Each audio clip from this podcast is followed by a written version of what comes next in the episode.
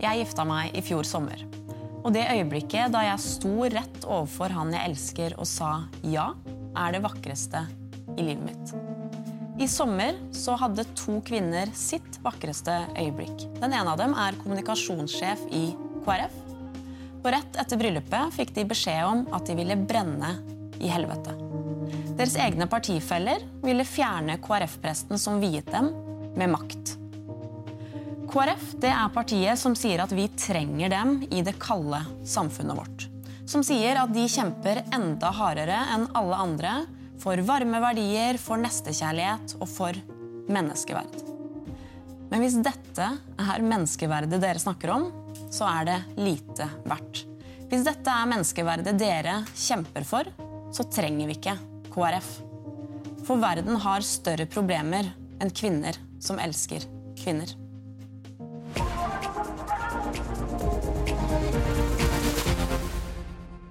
Velkommen hit, Else Kåss Furuseth. Tusen takk. Frister det å melde seg inn i KrF om dagen? Jeg er usikker. Min erfaring er at det er jo ikke så farlig å elske en annen kvinne. Men samtidig er det jo veldig mange som har meldt seg inn. da. Det er cirka mange, like mange som har meldt seg inn nå i KrF, som har meldt seg ut Ja. etter dette giftermålet. Så det er litt eh, optimisme der. Litt optimisme. Du, Det er veldig hyggelig å ha deg her. Det er ganske hyggelig å være her. Jeg innrømme at jeg er litt bekymret. Jeg hadde, beklager, jeg hadde litt lyst til å ha med bøtte, men er formen er bedre nå. ikke sant? Ja, det går bedre. Takk skal du ha. Alle vet vel hva vi snakker om da, men jeg vil eh, si gratulerer med graviditeten. Tusen takk. Jeg er veldig glad for at du turte å komme. Deilig for deg å få snakket litt mer om det. Ja, det har vært litt lite. Ja. Du, eh, Else, du er en av de morsomste menneskene jeg kjenner. Tusen takk. Men i livet ditt så har du opplevd ting som er vanskeligere og mørkere enn de aller fleste.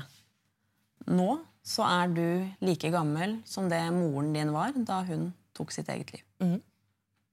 Det stemmer. Eh, Jeg har jo eh, snakket om dette flere ganger tidligere, fordi jeg er veldig opptatt av å ha eh, åpenhet rundt tematikken da, rundt selvmord. Så, og det er jo veldig mange som opplever triste ting. Men akkurat det med selvmord, det tenker jeg jo vel at man kan snakke enda mer om. Altså I fjor så var det vel eh, fire ganger flere som døde i selvmord enn som døde i trafikken. Ca. 600 mennesker. Og Allikevel så snakker vi jo ikke så mye om det. Og det er jo ikke eh, pga. uvilje, tror jeg. Det er jo fordi at det er ganske vanskelig å snakke om. Men Hva slags tanker gjør du deg nå da med at du, du er på den samme alderen som eh, moren din var? Nei, det er jo vel eh, Det er jo mystisk når noen eh, blir borte på den måten. Men samtidig så vet jeg at jeg kan jo ikke få noe svar på hvorfor. da. Og så eh, lurer man jo selvfølgelig litt på eh, altså dette med gener og, eh, og sånt. noe kan man jo eh, selvfølgelig lure på. Har du vært redd for det? Nei, jeg jeg at jeg har vært mer redd for uh, andre ting. Eller som faren min sier, at jeg har vært mer bekymret for diabetes eller andre, andre bekymringer jeg heller burde ha. da. Men selvfølgelig, det, men det er noe eh, Jeg syns jo nettopp at eh, det, er, det er noe eh, tabu ved å snakke om det, og det er fordi det er, er vanskelig. Men da, altså, da moren din eh, ble borte, så var du bare 11 år. 17 år senere så valgte broren din også å avslutte livet sitt. Ja. Er det følelser du har hatt rundt det som det rett og slett er for vanskelig å tulle med? Ikke nødvendigvis for vanskelig, men det er vel ikke alt som er så morsomt. rett og slett. Eh, men så er det jo også sånn, det kan jo høres ut som en klisjé som kan stå på en kopp, men eh, altså er, Når noe er veldig dritt, da, altså når noe går ad undas, så er det veldig tydelig når noe er, er, blir morsomt midt oppi det. Midt i det triste. Men jeg syns vel eh, Men jeg vil, forsøker vel eh, å ikke såre noen, da. Altså andre som har opplevd eh, lignende ting, eh, og de som er borte. Altså dette er jo noe som eh, Grunnen til at jeg snakker om det, er fordi dette er veldig mange som opplever. da. Hva er det som ikke er morsomt? da? Nei, det er jo ikke noe morsomt at noen dør. Det er jo ikke. Det er jo det motsatte av morsomt. Men nettopp da så kan man jo heldigvis blir man jo ekstra glad når noe morsomt dukker opp. Altså når noen i begravelsen til broren min når noen tilbyr meg å begynne i Tupperware. Snakker varmt og inderlig om Tupperware. Og at det er så nydelig, for det er pass, du kan få små bokser selv om du er alene. For det passer med lite gjestemat. ikke sant? Og det er jo morsomt, det er derfor det er så absurd. da. Så øh, den eh, mørke humoren er jo jeg glad i, da. Nå skal du dra rundt og snakke med mennesker som har opplevd noe lignende som deg, eller som har overlevd selvmordsforsøk i en TV-serie. Ja. Hvorfor ville du det? Nei, nå, eh, Det er jo i forbindelse med eh, verdensdagen for eh, forebygging av selvmord, som er 10.9.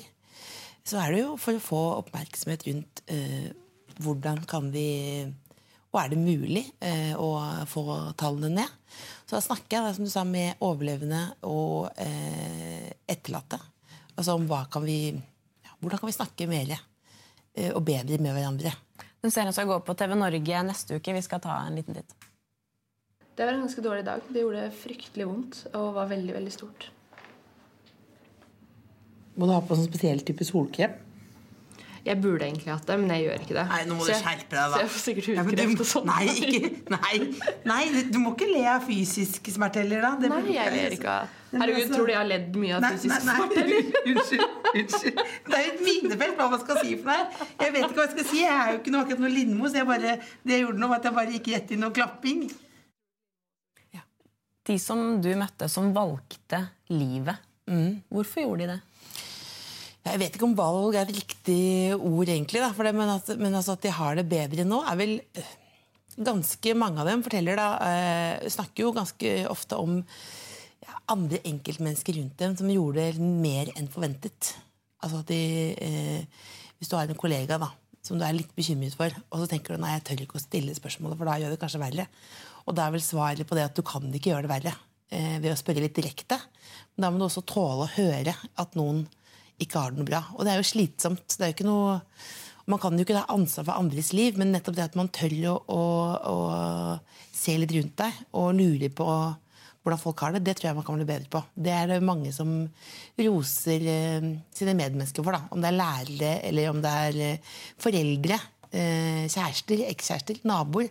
Det er jo klisjeen, da. Altså Nabokjerringa må våkne opp. Det som jeg kan forestille meg at det er veldig vanlig hvis man har mistet noen nær seg, det er at du sitter igjen og lurer på om det er noe du kunne gjort annerledes. Har du hatt det sånn? Å, ja, ja, ja. Det har jeg hatt. Men jeg, men jeg vet svaret, da. Og det lærer man seg jo. Altså, vi er jo ganske gode her til å liksom eh, stå i bøker, og folk eh, sier jo veldig at det er ikke på grunn av deg, men på tross av deg. Men så kan man jo absolutt lure på eh, om det var noe mer. Og det Man kan jo alltid eh, gjøre mer, men, men jeg vet jo veldig godt at det eh, ikke er min skyld. Men man har jo en diskusjon med seg sjøl, ja. ja. Hva sier du da? Nei, det er vel at, at man lurer på, at man lurer på altså, hvorfor skulle jeg vært der, kunne jeg gjort det? Altså, jeg sto rett borte på Latter og, og hadde liksom standup om Grete Rode, da broren min døde. Så tenker man sånn, Det er ikke noe gærent med latter, men jeg burde kanskje vært hos broderen. Men man kan ikke vite hvordan eh, folk har det, men vi kan kanskje bli flinke til å prøve å finne ut av det. Kanskje. Du Og det er det vi finner ut med Det som er fint med serien, er at folk er veldig rause. da. For det er ganske modig. Man, vi snakker om at vi er gode til å være åpne i Norge, og sånn, og åpenhet er et ord som mange bruker. Men det er ganske modig å dele det. Eh, fordi eh, ja, eh, Man er redd for hva vil familien tenke, hva vil kollegaene mine tenke. Og du har jo også i denne serien møtt og snakket med pappaen din. Ja, han møter jeg ofte. Ja, Vi skal se litt på det. Dere har jo gener fra både meg og mamma. Ja, Sant? Sånn som Lars Kristian, f.eks. Ja. Tenker du at han arvet eh, hans psykisk sykdom fra mamma? Jeg har ærlig talt ikke tenkt sånn som du tenker nå i det hele tatt. Jeg har ikke tenkt på arv, på en måte. Jo, men hva skal du gjøre med arv, da? For nå er jeg like gammel som mamma var da hun døde. Ja. Har du noen gang vært bekymret for meg, f.eks.? Ikke, ikke på grunn av det. Hva har du vært bekymret for? Det kan være Alle foreldre er, er for- er bekymret for barna Hva har du vært bekymret for deg? Overvekt? Legning? Nei. Nei. Nei. Rot? Nei, jeg er ikke bekymret for det. Jeg vet hva jeg er bekymret for. Jeg hadde en periode med noe sånn forbrukslån som Det er hovedbekymringen. Det er faktisk like farlig si, som negative tanker. Forbrukslån det kan jo faktisk spise opp, det. Ja. Men du, altså, på et eller annet tidspunkt da, så ble det jo dere tre. Pappaen din og søsteren din og deg. Hvordan blir den relasjonen da når man har mistet en bror, en sønn Nei, men kanskje det, Alle har vel forskjellige har vel forskjellig rundt det, men kanskje litt sånn Litt mer sånn cut the crap. At man er litt sånn Og at man tør å, å uh, lure på hvordan de andre har det. Og så blir man selvfølgelig mer bekymret. Da. Jo, du må aldri sette telefonen i flymodus. Da ringer jeg liksom til du, til du tar den. Uh, men uh, Så hvis du ringer faren din og han ikke svarer, så blir du redd? Ja, da, ja, ja. da blir jeg jo ja, Det blir et mareritt, rett og slett. Men, men, men kanskje at man, at man tør å snakke med en hvordan man har det. Da. Og at man er kanskje enda mer opptatt av igjen en klisjé, å, å ha det bra. da. Mm. Og Det er jo det denne serien handler om også. At man jeg håper at man at man tenker sånn Åh, så deilig det er å leve. Man, og at du kanskje tør å ringe noen eh, som du er litt bekymret for. At du nå tenker deg om Å, kanskje, kanskje hun ikke har det så bra. Tusen takk for at du er åpen og deler, Else. Og tusen takk for at du kom hit. Det var veldig hyggelig å ha deg på besøk. Så hyggelig. Du, holder litt avstand? Ikke, ikke kast opp meg, vær så snill. Er Erik Jensen politi eller røver? Purk eller skurk? Dommerne i tingretten mente skurk, men nå er det altså vanlige folk som skal avgjøre. Den historiske rettssaken i Borgarting lagmannsrett er i gang. Den siste noen gang hvor en jury skal avgjøre skyld. Men hva er egentlig den perfekte juryen? Det skal vi prøve å få svar på nå. Velkommen hit, tidligere politietterforsker og forfatter Jørn Lier Horst og forsvarsadvokat Brynjar Meling. Brynjar, hvis du hadde vært forsvareren til Eirik Jensen, hva slags jurymedlemmer ville du hatt? Jeg ville prøvd å finne hva skal jeg si, de yngste, kanskje de som jobber i selvstendige yrker, og kanskje få vekk de som jobber i offentlig sektor, som kanskje har mer tro på det som påtalemyndigheten presenterer som saken. Altså noen som da man kan ha tillit til og tro på at tenker selvstendig. Hvordan funker det? Fordi Det heter at man skyter ut medlemmer. Høres litt sånn groteskt ut. Ja, jeg, jeg, så til og med at det sto i avisen at Jon Christianella hadde skutt en, en, av de. Så han hadde skutt ut en av de, tror jeg var riktigere. Nei, altså, det er jo ikke akkurat sånn som man vet at det er i USA, hvor man f.eks. i O.J. Simpson-saken vet at man hadde ansatt team som gikk gjennom hele livsførselen til hvert enkelt jurymedlem. Men det er klart, i våre dager så har man jo Google, eh, som, jo, eller som jeg bruker, og mine fullmektige bruker når de skal undersøke for meg hvem som er trukket ut på en liste så vi får da noen uker i forveien. Eh, og da finner vi all den tilgjengelige informasjonen som vi har om dem. Og, og fordi at på, på, listen så står det bare navn, adresse, eh, yrke eh, og, og, alder.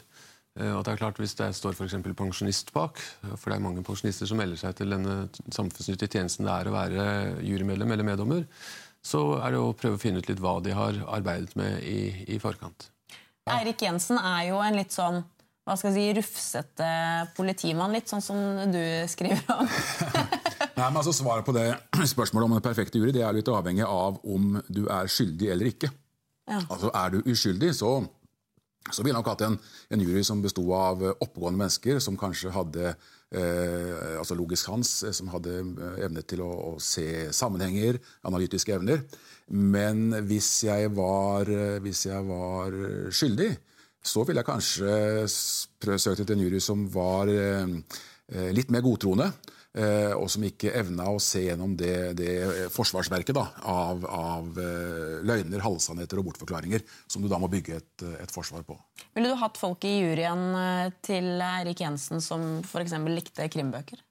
Ja, det Altså, jeg liker jo krimbøker, og det er i hvert fall hans bøker. Men Er det sånn av da å liksom like litt sånn William Wisting og Harry Hole og litt sånn rufsete politimenn som får jobben gjort? Hvis du snakker om i denne saken, så er det klart at øh, Nå skal ikke nå skal ikke jeg male han som en rufsete fyr, men, men det er klart det imaget han har, og på en måte hvordan han fremstår, og, og måten han forklarer at han har gjort jobben sin på, så er det klart at det har jo en, altså har en, high, altså en høy faktor av true crime, og, og, det er jo en spennende materie de skal inn i.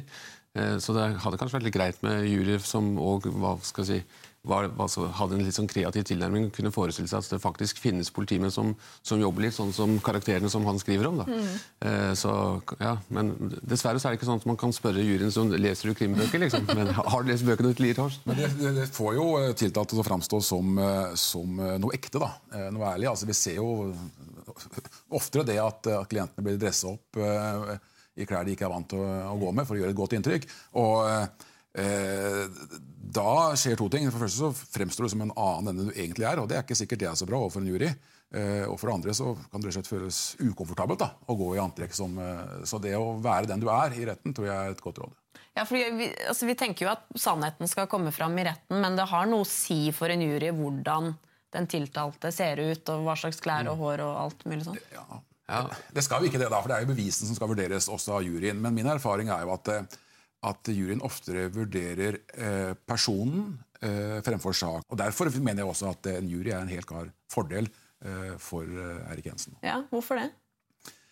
Ja, nettopp fordi at eh, Nå ser vi også at de, de Forsvaret trekker jo inn karaktervitner. Eh, langt flere vitner nå enn i forrige rettsrunde. Og det er karaktervitner. Vitner som kjente og kjenner eh, Erik Jensen, som kan forklare hvem han er som person, hva han står for. Men karaktervitner har jo strengt tatt liten verdi i en, eh, i en rettssak, altså når det kommer til det bevismessige. Og dette opplever vi jo gang på gang. ikke sant? Når, eh, ja, Hvis det har vært si, en drapssak som ender i en, en plutselig pågripelse, så er jo journalisten der med kamera og intervjuer naboer og bekjente som Ingen av dem kunne tro at han var i stand til å gjøre noe slikt. Det ser vi jo gang på gang. Så de som allikevel står nærmest, er ikke sikkert de kjenner de innerste hemmelighetene til tiltalte. Er det forskjell altså, ikke sant, Brynjar, Du er jo veldig kjent for å være forsvareren til mulla Krekar, bl.a. Mm. I saker hvor eh, han er klienten din. er det ville du hatt en annen jury der enn i en Erik Jensen-sak? Ja, så Nå er jo mulla Krekar i den heldige posisjonen at han stort sett blir frifunnet. og, og da tenker jeg sånn at... av juryer, ja. Av ikke tingretten. av juryer. Nei, det er helt riktig. Altså, Vi hadde en, en frifinnelse som da i 2016, hvor juryen kom tilbake og svarte nei. Og Da tenker jeg at eh, når, altså, Jurymedlemmer er jo ikke verre enn andre, men de er sånn som oss andre har sine forutinntatte holdninger. Og når en person som eh, jeg tror alle for å bruke det uttrykket, har en mening om som mulla Krekar, og som er på en måte, hva skal jeg si, hatt skurkestempel på seg i 16 år, eh, kan bli frifunnet av jury, så viser det at dette er en ordning som også kan fungere. Eh, fordi at påtalemyndigheten ikke hadde oppfylt bevisbyrden sin i, i den saken. sånn at jeg hadde, jo, jeg hadde, hadde jeg vært Jensen, så hadde jeg tenkt ja, ja, når mulla Krekar kunne bli frifunnet, så er det håp for meg også. Ville du hatt Jørn i juryen, da? Nei. Eh, jeg har faktisk vært i Høyesterett eh, med en, eh, en juryproblemstilling hvor det var en tidligere politimann som, som ikke hadde opplyst om det. Og jeg mente det var en saksbehandlingsfeil, men der fikk jeg ikke medhold. Men jeg ville ikke hatt med Jørn fordi han er tidligere politimann.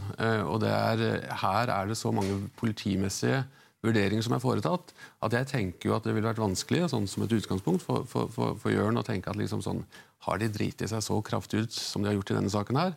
Så Derfor så ville jeg ha skutt ut han sånn som og skjøt ut Eli Hagen en gang i en sak med mulla Krekar. ja, for det gjorde du faktisk. Ja. Du valgte bort eh, Eli Hagen, altså kona til Carl I. Hagen. Ja.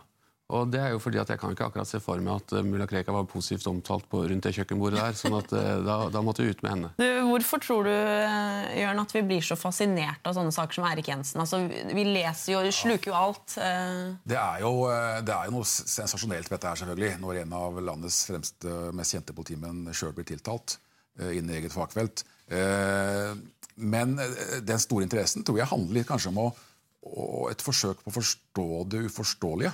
Eh, og få innsikt og forståelse av ja, hva som har skjedd. Hvor det har svikta, og, og hvordan rettssamfunnet fungerer.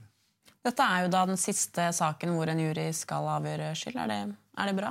Du sa det var noen positive ting. Ja, altså, Vi skal ha en juryordning fortsatt, altså stor meddomsrett. Eh, men det som er fordelen med den nye ordningen, er at nå får man et begrunnet ja eller et begrunnet nei. Det er det som er problemet nå, at en, en person som blir dømt så det, det er, altså, Selv om jeg er jurymotstander, så er, det ikke, så er det ikke det folkelige innslaget jeg er imot. Det er det at eh, folk kan få 15 års fengsel uten å egentlig skjønne hvorfor de er blitt dømt. Eller, For de svarer bare ja, ja eller, nei. nei. Mm. Og så blir det etterpå en slags konstruksjon hvor, hvor de, da, de som fire pluss tre som blir sittende igjen, skal forsøke å, å, tenke seg til hva juryen har svart ja og nei på. Det blir mye oppmerksomhet rundt Eirik Jensen nå. Det er det kanskje én person som er veldig glad for, nemlig Per Sandberg, som får en liten pause.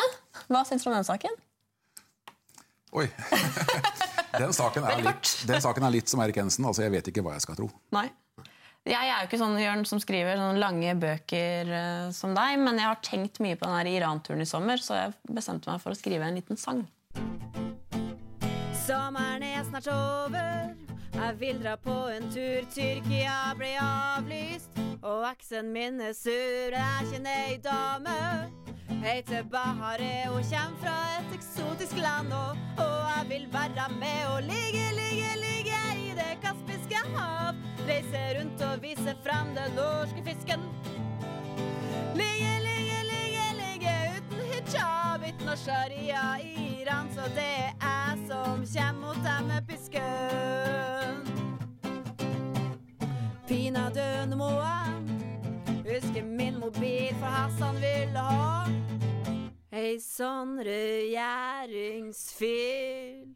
Sier jeg fra til Erna, så blir hun bare sur, for vi skal eksportere både piggdekk og skiutstyr og Ligge, ligge, ligge i det kaspiske hav. Reise rundt og vise fram den norske fisken. Uten noe sharia i Iran. Så det er jeg som kjem mot deg med pisken. Det er jeg som kjem mot deg med pisken. Det er jeg som kjem mot deg med pisken. Tusen takk for at dere kom hit.